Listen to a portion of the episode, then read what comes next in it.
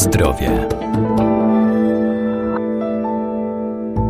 Niewłaściwa dieta może być przyczyną dolegliwości ze strony układu pokarmowego, bo choć jedzenie należy do przyjemności czasami spożyte potrawy nie dają o sobie zapomnieć, mogą też obciążać wątrobę. Jak zmniejszyć dyskomfort? Przede wszystkim zmienić nawyki żywieniowe i ograniczyć lub wyeliminować z naszego jadłospisu produkty smażone czy wysoko przetworzone i wprowadzić dietę lekkostrawną.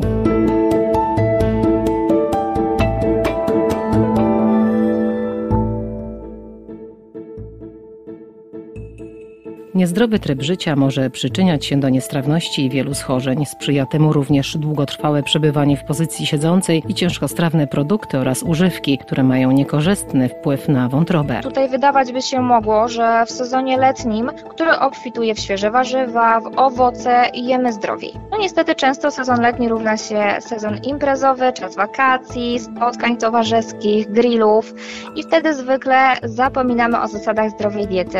Dietetyk Urszula Moskal. Pojawiają się tłuste, ciężkostrawne posiłki, słodycze, napoje, często gazowane, e, no i oczywiście alkohol. I im częściej w ten sposób obciążamy naszą wątrobę, tym mniej czasu ma ona na regenerację. To prowadzi do nadmiernego odkładania tłuszczu w wątrobie, stanu zapalnego, zwłóknienia, no i w konsekwencji do marskości. Tutaj przestrzegam, szczególnie przed e, stosowaniem drastycznych diet, zwanych diet cud, jakichś panaceum, głodówek, które mogą tylko pogorszyć sytuację. Najlepsze, co możemy zrobić, to po prostu przestrzegać zasad zdrowego odżywiania. Pamiętać o regularności posiłków, mniejszych porcjach, właściwej obróbce termicznej potraw, czyli tutaj zmarzenie zamieniamy na duszenie, pieczenie, gotowanie, gotowanie na parze. Mm, zwracajmy też uwagę na pochodzenie i stopień przetworzenia produktów w naszej diecie.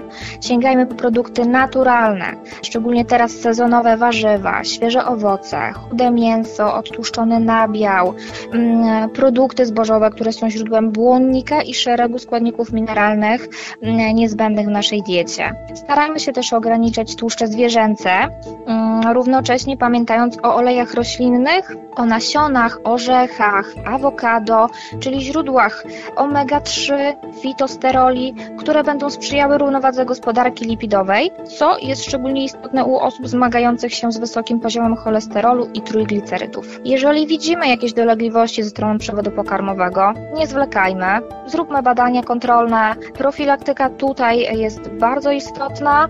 Będziemy wiedzieć, w jakim stopniu uszkodzona jest wątroba i jakie kroki trzeba podjąć.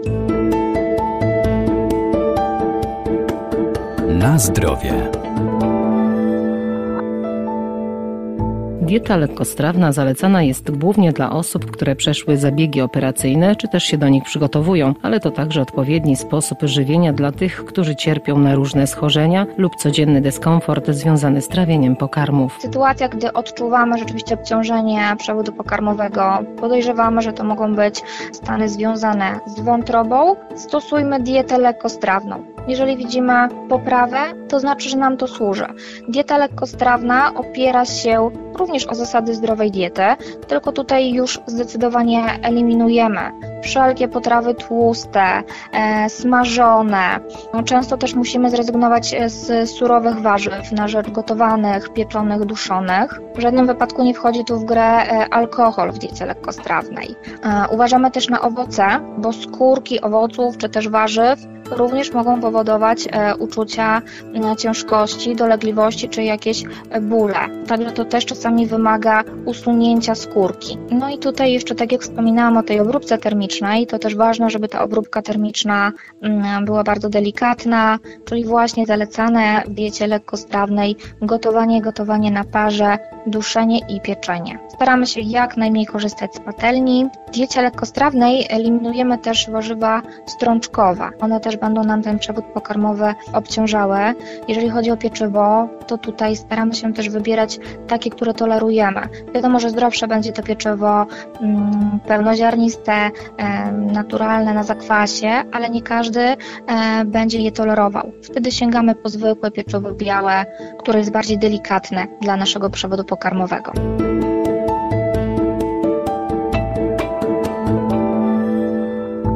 Niezależnie od odpowiedniej diety i zdrowego odżywiania warto także zwiększyć aktywność fizyczną do minimum pięciu razy w ciągu tygodnia, ćwicząc przez co najmniej pół godziny. Nie możemy też zapominać o odpowiednim nawadnianiu organizmu. Na zdrowie.